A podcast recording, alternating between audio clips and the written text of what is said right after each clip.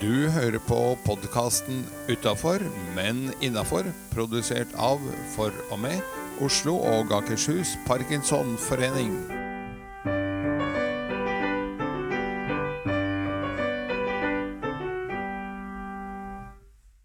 Hei, jeg eh, heter Seri Lind, og ved min side har jeg min faste makker.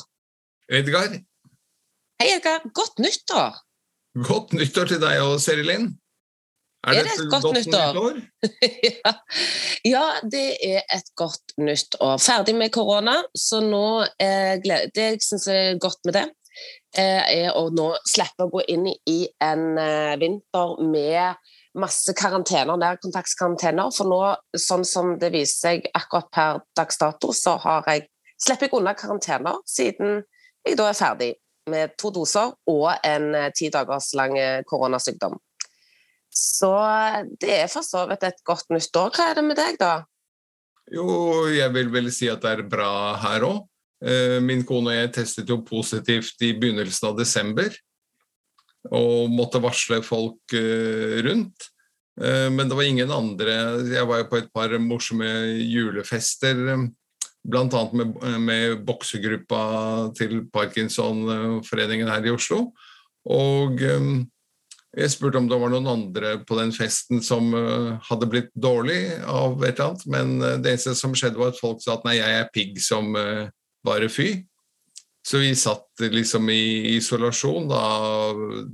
Vi tok vel sånn midt på, for noen sa fem dager og noen sa syv dager, så vi satt i seks, vi. Um, og det holdt akkurat med innholdet i kjøleskapet. Ja, så bra. Eh, spi dere spiste dere rett og slett eh, ut av kjøleskapet inn i 2022.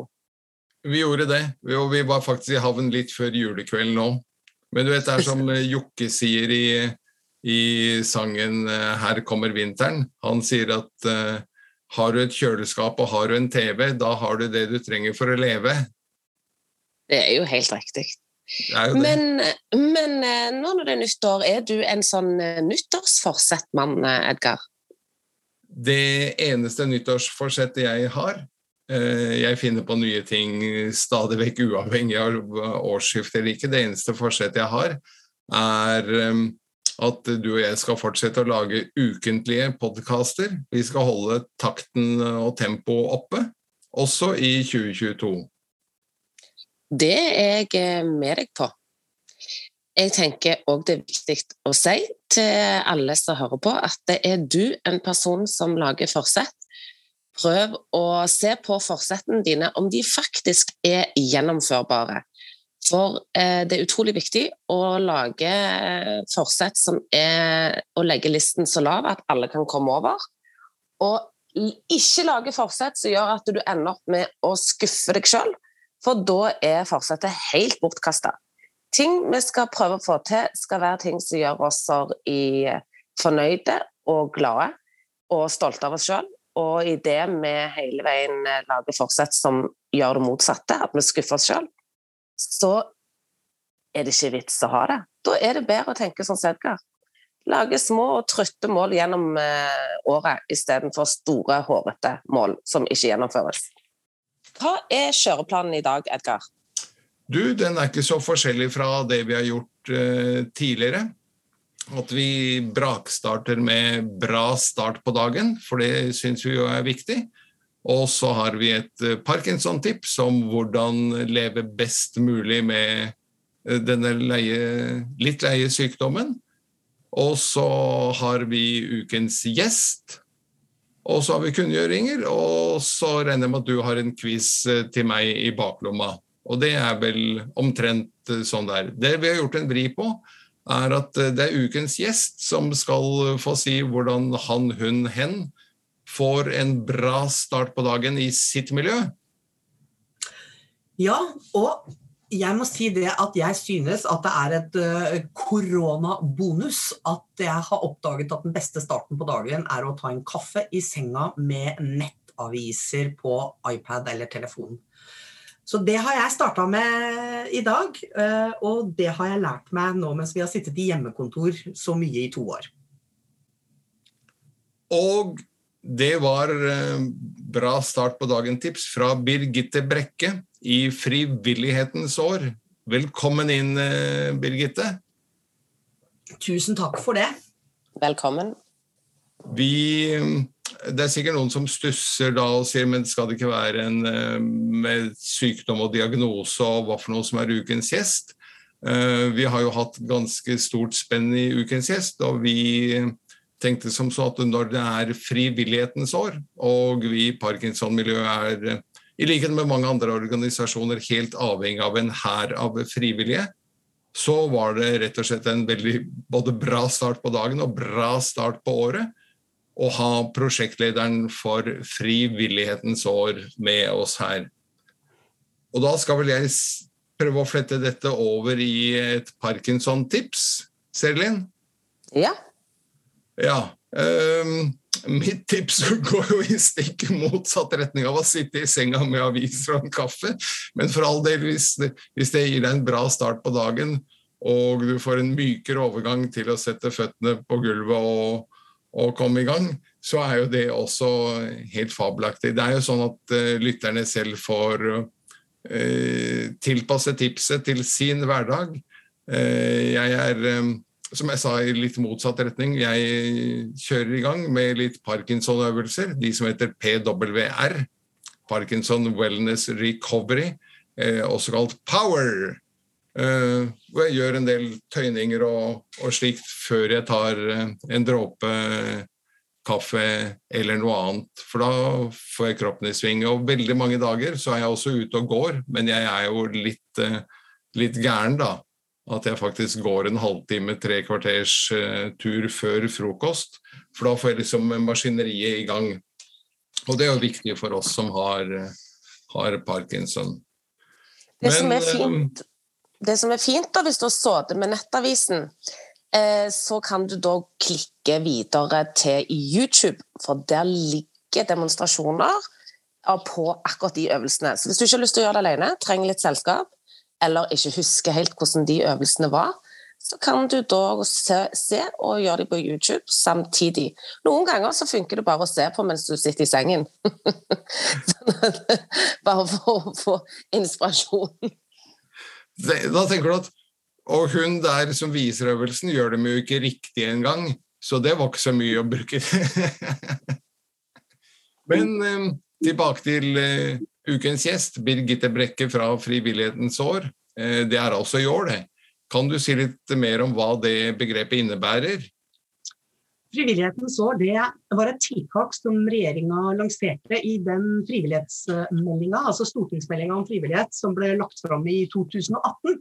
Da skrev regjeringen det at 2022 eh, skulle markeres som frivillighetens år, og da skulle vi feire all den store frivillige innsatsen som foregår rundt omkring i lokalsamfunnet i Norge. Eh, jeg begynte som prosjektleder på Frivillighetens år for to år siden, og nå har jeg gått rundt i to år og sagt at Frivillighetens år det skal kaste et flomlys på foreningslivet og alle de frivillige i Norge. Eh, og i det flomlyset så skal foreningslivet og de frivillige gå ut og danse. Og med det så eh, mener jeg å signalisere at Frivillighetens år eh, det er ikke et år hvor vi kjemper for organisasjonenes rettigheter, det er det året der organisasjonene viser seg frem, sånn at vi får enda flere med. Eh, de tre målene som er satt på Frivillighetens år, det er at vi skal få flere med som medlemmer, givere, frivillige, aktivister, sympatisører. Alle de måtene det går an å delta i frivilligheten på. Og så skal vi ta ned barrierer for deltakelse. Vi vet at det er veldig mange i Norge, to tredjedeler i Norge faktisk, som er med og, og, og gjør frivillig innsats, og enda flere som er medlemmer allerede. Og de som ikke er med, er ofte ikke med fordi at det er fysiske barrierer eller økonomiske barrierer eller språkbarrierer eller andre ting som hindrer dem. Det skal vi være nysgjerrige på, og så skal vi se om det går an å fjerne noen barrierer, så vi kan få enda flere med. Og det tredje målet vi har satt på frivillighetens år, det er at vi skal synliggjøre betydningen som frivillighetene har for det norske samfunnet. Både lokalt og nasjonalt. Vi skal vise at frivillighet det handler først og fremst om å delta i å være med å skape og påvirke samfunnet vårt sånn som vi mener at samfunnet bør være. Så frivillighetens år er ikke det frivillige arbeidets år, det er deltakelsens år. Ja, eh, du har sikkert noen tall for hva vi frivillige bidrar med av innsats? Det har jeg, vet du. Vet du at Hvis du legger sammen alle de timene med frivillig innsats som folk legger ned, som styremedlemmer og som loddselgere og som uh, Vaffelstekere? Uh, hva sa du? Vaffelstekere? Vaffelstekere, ikke minst. Når du legger sammen alle disse timene, så sier SSB at det beløper seg til svimlende 142 000 årsverk. Og bare for å få et bilde av hvor svært det er, så kan du tenke på det at det, i grunnskolen i Norge så utføres det 115 000 årsverk. Så det vi altså veit, det er at uten den frivillige innsatsen, så ville landet vårt sett fryktelig annerledes ut. Så jeg pleier å si det at frivilligheten det er det viktigste arvesølvet vi har i Norge. Og nå under pandemien så har vi jo sett at eh, deltakelsen i frivilligheten har gått ned. Det er blitt færre medlemmer, det er blitt færre frivillige, det er blitt færre givere. Så frivillighetens år kunne ikke ha kommet mer betimelig. For nå trenger vi å brette opp ermene, og vi trenger rett og slett å ha en rekrutteringsbølge som skyller over Norge i 2022, hvis vi skal greie å ta vare på dette arvesølvet vårt. Jeg kan også fortelle det at eh, SSB de anslår at verdien den økonomiske verdien for Norge av den frivillige innsatsen som, eh, som gjøres i, i, Norge, den beløper seg til 78 milliarder kroner. Og jeg satt akkurat og leste i morges på avisartikler, og da leste jeg eh, en avisartikkel fra en lokalavis oppe i Trøndelag. Og der hadde ordføreren i Innherred kommune hadde da beregna at verdiskapingen som frivillig sektor i Innherred kommune sto for alene, var på 509 millioner kroner. Tenk på det. Det er fabelaktig. Ja, det er helt fabelaktig. Og det var jo litt gøy da, da kongen nevnte oss. Jeg sier oss, for jeg er jo en av de frivillige inn i Parkinsonforeningen Oslo og Akershus, og, og, faktisk også i lokalforeningen eh, Oslo Nord. Men det var litt gøy da kongen nevnte oss i i nyttårstalen sin. Var det ikke det? Det var helt fantastisk. Og så blir jeg, Edgar, jeg blir veldig glad når du sier 'vi frivillige', at det er oss i frivilligheten han snakker om. Fordi at et av mine sånn hemmelige mål for frivillighetens år, det er at enda flere i Norge skal si 'vi frivillige'. Fordi at sant, Når to tredjedeler av oss er med på en eller annen måte, så er det jo vi frivillige vi snakker om, og ikke de frivillige. Det er alle oss. Så når kongen skryter, så skal alle vi som er medlemmer og deltakere og givere, og frivillige og hva vi gjør, alle vi skal være stolte og kjenne at det er oss han, eh, han snakker til. Og vi har opplevd i Frivillighetens år en fantastisk knallstart, rett og slett, på 2022. Som følge av kongen så har massevis av eh, medier interessert seg for Frivillighetens år. Så nå, dere, nå er det bare å gå ut og danse. Da før vi går ut og danser Hva sa du for noe? Hva, hva, med statsministeren? Nevnte han noe om oss i sin tale? Statsministeren nevnte ikke oss i sin tale, men statsministeren lagde en veldig veldig flott videohilsen til oss i Frivillighetens år som har gått viralt. Uh, det, fra og med 5. desember. For 5. desember da var det frivillighetens dag. Det er FNs dag for frivillighet. Og vi hadde en svær åpning av frivillighetens år på frivillighetens dag allerede før jul. Eh, og i den forbindelse så lagde som sagt statsministeren en, eh, en hilsen til oss. Eh, og han er med å feire frivillighetens år. Da ser vi frem til neste gang han snakker til oss og si noe om det. Ehm, du, litt mer om deg selv. Du har jo en lang karriere innenfor frivillighet, eh, så jeg av LinkedIn-profilen din. Hvordan startet det? Uh, ja, det, det, det, har jeg blitt spurt om mange ganger. Uh, og jeg har liksom regna meg fram til at mitt aller første møte med frivilligheten, det var når jeg ble tatt med på søndagsskolen da jeg var sånn to to år eller tre år eller noe sånt. Nå. Det var første gangen jeg traff frivilligheten. For Søndagsskolen er jo en, eh, en frivillig organisasjon. Og siden så har jeg vært der i frivilligheten. I mange forskjellige ulike organisasjoner, og jeg er fortsatt med. Men, men det var jo mer um, at du opplevde frivillighet fra noen andre, for du ble vel pisket av gårde på søndagsskolen. Uh, men når startet du selv med å bidra? Eh, Altså, jeg var med i Speideren, eh, og i Speideren så må man jo I hvert fall når jeg var med i Speideren, så var det sånn at vi måtte bidra med blomsterløksalg og med merkesalg og sånne ting for å skaffe inntekter til, eh, til Speideren. Ja. Eh, og første gangen jeg var med, jeg husker dette blomsterløksalget, vi gikk på dørene og solgte blomsterløk.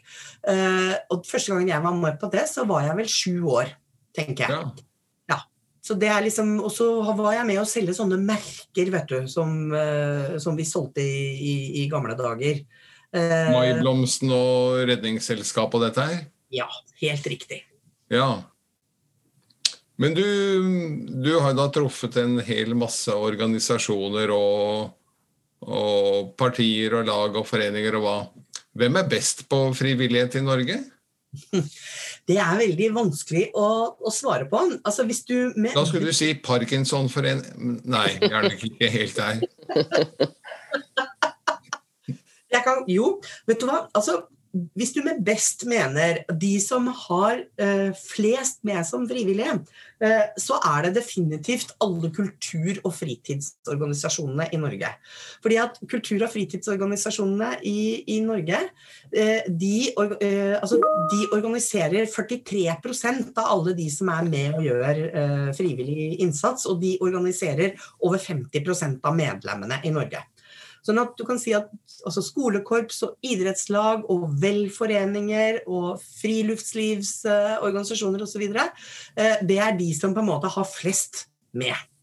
Eh, så hvis best betyr flest, eh, så er det de som, som, som, er, er, best. Men så, hvis du spør f.eks. en Parkinson-rammet om den betydningen som pasientforeninga har for eh, vedkommende som da får en, en, diagnose og ikke aner hvor han skal snu seg rundt og føler seg veldig aleine og veit at nå blir livet helt annerledes, så er det jo helt klart at veldig mange av eh, pasientorganisasjonene og rettighetsorganisasjonene som vi har i Norge, eh, de er kanskje de aller beste fordi at de er livsnødvendige for de som de er til for. Så det er mange måter å være best på i frivilligheten og, eh, medlem, nei, og pasientorganisasjonene og rettighetsorganisasjonene står mitt hjerte veldig, veldig nær. Og jeg tenker at uten dere eh, så ville mange, mange i Norge ikke hatt det så veldig bra. Nei. Eh, det er jo også et poeng at vi nærmer oss eh, årsmøtetid i eh, lokalforeningene våre. Og flere av lokalforeningene trenger fornyelse eller påfyll i styret, fordi det er jo folk der som har sittet i styreposisjon seks, syv, åtte år. Og tenker at nå kan noen andre ta over stafetten og gå videre og arrangere medlemsmøter og andre møteplasser. Og det er jo samtidig en del der ute som kunne melde seg selv, så valgkomiteen slapp å lete og lete og lete. Kan du gi tre gode grunner til at folk skal bidra i styret i en Parkinson-forening? Eh, ja, altså det jeg er helt sikker på, det er at det å bidra i styret i en Parkinson-forening, det vil eh, føre til at du føler at du bidrar med noe meningsfullt. Eh, så jeg vil jo oppfordre folk til å rykke opp hånda. Sjøl sitter jeg i massevis av styrer og stell, og jeg kan bare absolutt, og jeg har gjort det hele livet, og jeg kan absolutt anbefale det. Husk på at når du deltar i styre og stell i en forening, eh, så er det viktig at du tenker at her er det viktig at jeg går inn og gir det som er lett for meg å gi. Og Noen av oss er flinke til å føre regnskap. Noen av oss er flinke til å arrangere turer, tro det eller ei. Jeg har vært en som har arrangert utrolig mye turer og bestilt busser og uh, overnattinger og greier mange ganger opp igjennom. Og det skulle du ikke tro hvis du ser på, på CV-en min at, uh, at, jeg er god til det. Men det er jeg. Og det er lett. Jeg opplever det som lett for meg å gjøre. Andre syns at det er kjempevanskelig. Ikke be meg om å føre regnskapet, det syns jeg er helt grusomt. Men da er vi to. Ja. Men tenk når du går inn i et styre, at du skal bidra med det som er lett for deg å gjøre. Tenk at de trenger deg. Uh, tenk at du er med på å en, eh, skape en meningsfull eh, tilværelse for andre. Og det blir faktisk veldig mye mening for deg også. og tenk på at du skal sitte i dette styret i de neste to årene. Du behøver ikke å gifte deg med organisasjonen og leve i det styret til evig tid. Dette her må gå på, på, rundgang. Så det er lov å gi seg når man har holdt på i to år, fire år, seks år. Uh, uh, foreningen trenger faktisk også nye hoder uh, og nye, nye tanker. så meld deg som frivillig styredeltaker og få en opplevelse som du ikke vil være foruten. Det er jo en del som føler på, eller som, akkurat sånn som du sier med at gjør det du er god på. Men så er det sånn at når han melder seg inn, så får han et press. Uh, og da er det ganske vanskelig å sette den grensen for seg sjøl at uh, nei, jeg er ikke god på regnskap. For det er alltid noen som er gode til å overtale, og kanskje noen som er veldig lei av mm. den rollen og vil gjerne pushe den over på andre. Hvordan skal en sette de grensene for seg sjøl? Mm. Det er, jeg tror det er veldig viktig at når man går inn i et styre, at man er veldig tydelig på at uh, man skal bidra, at man skal påvirke uh, det styret. Uh, det som er skummelt, er hvis man går inn i et styre og bare sier at uh, OK, nå gjør jeg det sånn som de alltid har gjort det, så sitter jeg stille i kroken min. fordi at hvis man gjør det sånn som de alltid har gjort det, så tar man ikke nok eierskap til styrearbeidet. Og så og så blir man kanskje fort sliten fordi at man kommer inn i en sånn tvangstrøye som ikke passer for en. Så det er viktig når du går inn i et styre, be om at dere setter opp en eh, plan for styrearbeidet. Hvor mange styremøter eh, skal dere ha? Kanskje seks styremøter i året, eller fire styremøter i året, eller hvor mange styremøter skal dere ha? Og så veit dere også eh, noe om hva som skal skje på de styremøtene. Dere vet at dere må lage et årshjul, et budsjett, Eh, dere har kanskje noen sånne arrangementer som foregår eh, hvert år osv.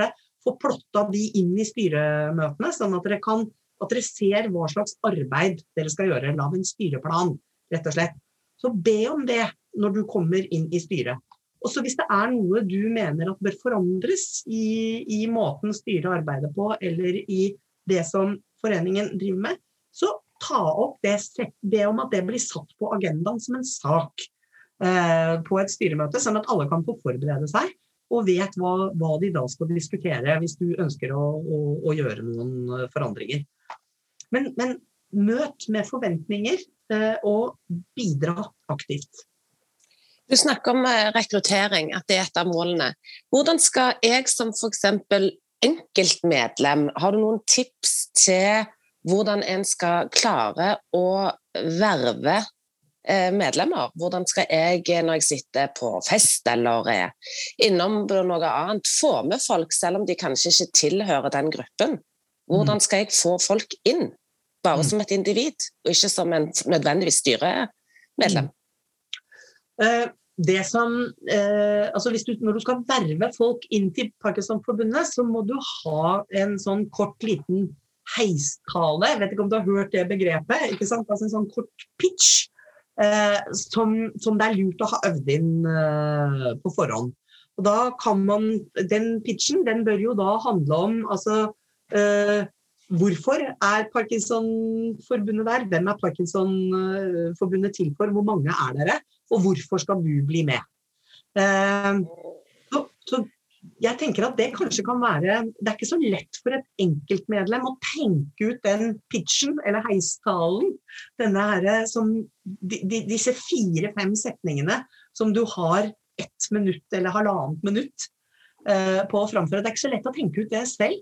Og det tenker jeg at det er en uh, oppfordring egentlig til Parkinsonforbundet sentralt. Og så lage uh, den, den pitchen. uh, sånn at dere som enkeltmedlemmer kan øve den inn og bruke den. Eh, men fortell folk Hva har dere fått til? Hvor mange er dere? Eh, hvem er dere til for? Hvorfor skal de eh, være med? Hva betyr det hvis også, hvis også du blir med i Parkinsonforbundet? Det likte jeg. Likte heis, eh, heispitch. Ja. Den må vi ta med. Vi nærmer oss um, slutten på praten vår. Jeg håper riktig mange melder seg som frivillig, for som sagt, vi, vi trenger påfyll i flere styrer. Og det er også sånn jeg diskuterte med en annen forrige dag, og sa han må folk på døde liv sitte i styret. Så sa jeg nei, hvis de har kvaliteter ellers, eh, så er det ikke nødt til å binde det mot et styreverv. Og igjen, som du sa, Birgitte, føler at de gifter seg for eh, mange år. Uh, igjen finne det, og, og, nok et sitat fra deg, at uh, gjør det du er god på. Hvis du kan uh, bestille busser eller hotell til turer, så kan du melde deg til styret og si at jeg vil gjerne bidra med det, men jeg vil ikke sitte i styret og sitte på traurige styremøter en gang annenhver måned eller en gang i måneden, eller hvor ofte det nå er. Jeg, men jeg kan bidra til å lage en hyggelig tur for alle medlemmene i Parkinsonforeningen X. Eh, så er det også en måte å, å bidra på som er minst like verdifull som et formelt uh, styreverv. Jeg tenker Men, jo òg at uh, Unnskyld. Ja, du tenker òg Nei, det jeg tenker er utrolig viktig i forhold til med frivillig, i hvert fall når jeg pitcher òg inn til klienter f.eks. som er ensomme, så er det jo noe med å si at hvis du er med å bidra inn i et styre eller en frivillighet, så får du en familie og vennskap så det, det er jo ensom, ensomheten øker der ute. Og det å da bidra, og ikke sitte og vente på at noen ringer på, men faktisk bidra sjøl, gjør at du kjenner på samhold. Og det tror jeg er utrolig viktig.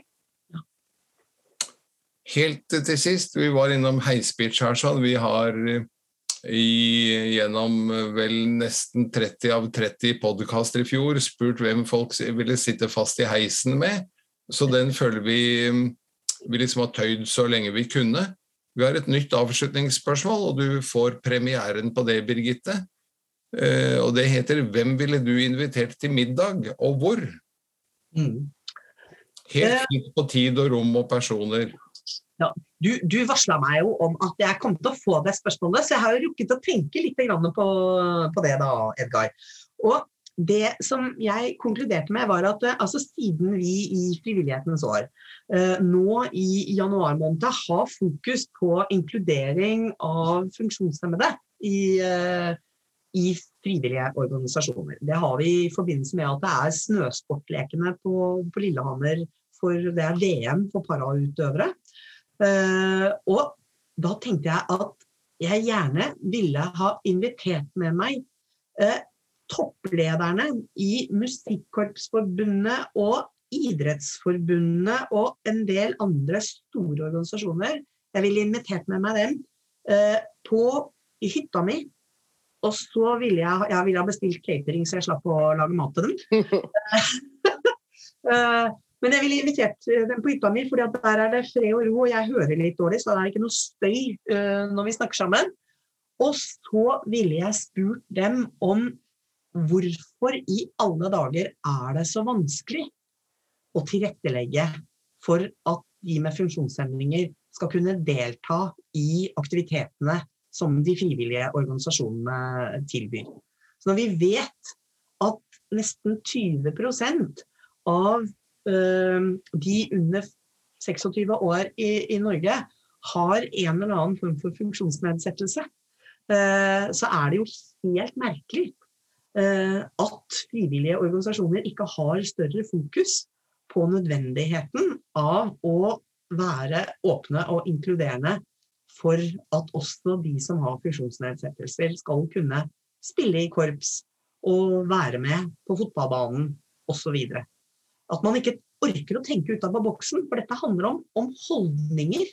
Eh, altså, Vi snakker om å ta ned barrierer. Eh, og det er ikke altså, de mentale barrierene er større enn de fysiske barrierene, faktisk. Så det ville jeg gjerne ha, uh, ha, gjort. Jeg ville gjerne hatt en middag med lederne for de store organisasjonene og snakke i et uh, trygt uh, og godt forum om hvordan vi kunne knekke den nøtta der. Flott. Da sier vi tusen eh, takk for at du var med oss eh, her i dag, Birgitte. Tusen takk. Bare hyggelig. Og så sier jeg lykke til da, med vervingen av flere Parkinson-forbundmedlemmer. Både i heiser og i selskap. hvor det måtte være. Fint. Takk skal du ha. Da går vi videre i programmet.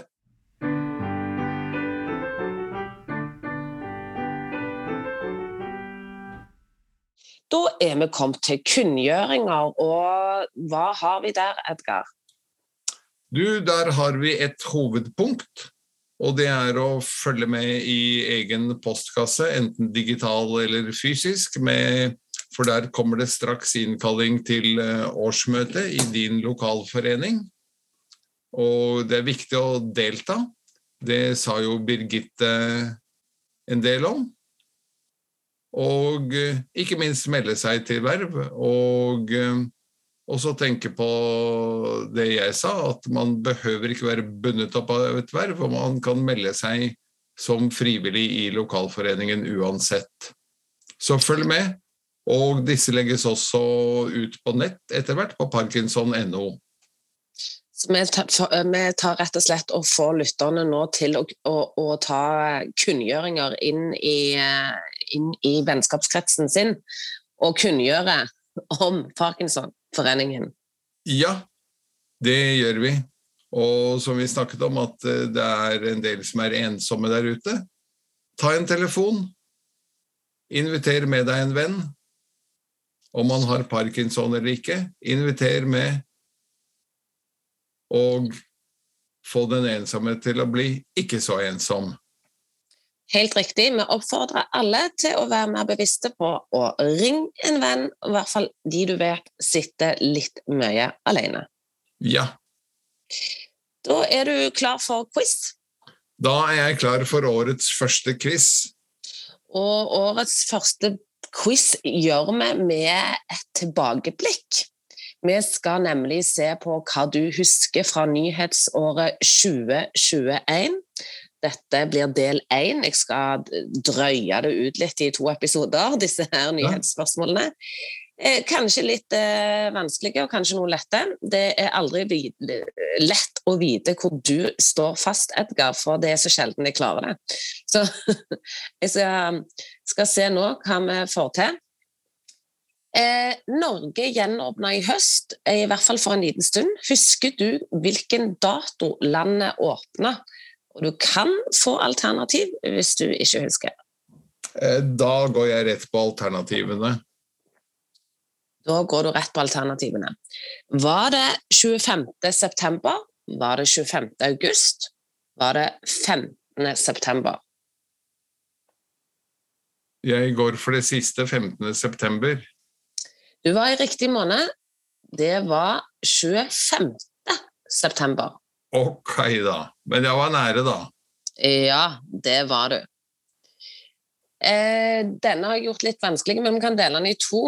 En skuespiller fra Buskerud tok verden med storm som med sin debutfilm i sommer. Hva heter filmen, og hva heter hun? Og det er jo hun fra 'Verdens verste menneske' som fikk det... gullpalme i Cannes. Ja, så da Men hva heter hun? Uh, nei, der uh, må jeg melde pass på, på navnet. Uh, du må nei, vite at jeg, jeg. Hva? Du må vite, jeg la jo til navnet fordi at jeg regnet med at du selvfølgelig kom på filmen. Så jeg måtte jo få deg til å stå fast litt. Men det for, er Renate Reinsve. Ja. Årets ord eh, Kan du huske at det har vært en kåring på det? Ja, det er Språkrådet som hvert år kårer årets nyord. Ja. Um, Dette er jo da i regi av eh, det sportsarrangementet som holdes i et land som bryter menneskerettigheter. Og hva er ordet? Da er ordet sportsvasking. Det er det. Helt riktig. Så bra. Eh, du er jo glad i musikk, men jeg vet ikke om du er så glad i Tix. Han eh, sang sangen 'Fallen Angel' på årets Eurovision. Han nådde ikke helt til topps, men kan du huske hvor mange poeng han fikk? Uh, nei, det kan jeg aldeles ikke huske. For at, eh, fikk han ett poeng, fikk han 18 poeng, eller fikk han 80, uh, 75 poeng? Jeg lurer på om han fikk hele 75, jeg. Det gjorde han. Så vi går over til siste. Vi fikk en uøns uønska art eh, som invaderte kysten vår. Eh, det var en laks som kanskje ser mer ut som en død enn levende etter gyting. Men hva er det korrekte navnet på denne zombielaksen? Er det ikke det pukkellaks eller noe? Det er så rett så det går an å få det. Ja. Pukkel eller pukkel, eller hvordan man nå uttaler ordet. Altså når den er sånn litt rar på ryggen som en kamel. Det er helt riktig. Så det gikk ikke an å sette deg så veldig fast i uh, nyhetsåret 2021, men vi skal over til del to i neste uh, podkast. Da høres vi om uh, en ukes tid. I neste sending skal vi se om du får satt meg fast da. Det gjør vi. ellers er vi vel ved veis ende i dag. Det er vi, så vi har bare med å takke for at du lytta. Du har eh, hørt på podkasten Utafor, men innafor, produsert av For og med Oslo og Akershus Parkinsonforening. Vi håper du har hygget deg, og ønsker deg hjertelig på gjenhør i nye sendinger.